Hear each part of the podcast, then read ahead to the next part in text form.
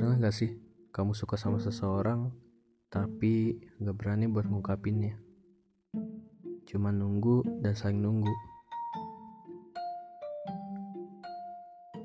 Yang kemudian saat dia udah sama seseorang, kamu baru tahu kalau dia pun suka sama kamu.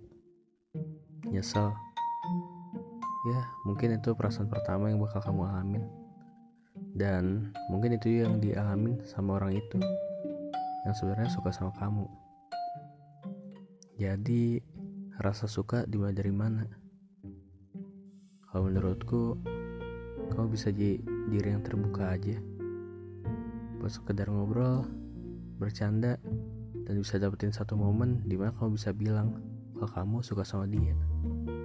Seenggaknya, kamu gak bakal terlalu nyesel terlepas apa pun jawabannya. Terlepas iya dan enggaknya jawaban yang dia sampaikan ke kamu tapi kamu udah berani bilang.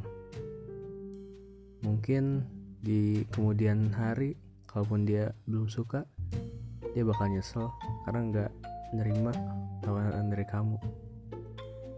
Tapi yang kamu lakuin kamu udah jujur sama diri kamu sendiri kamu udah berani ngungkapin apa yang kamu rasain.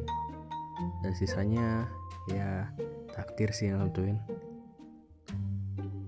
semoga kamu dia atau siapa pun. Bukan orang nyesel itu ya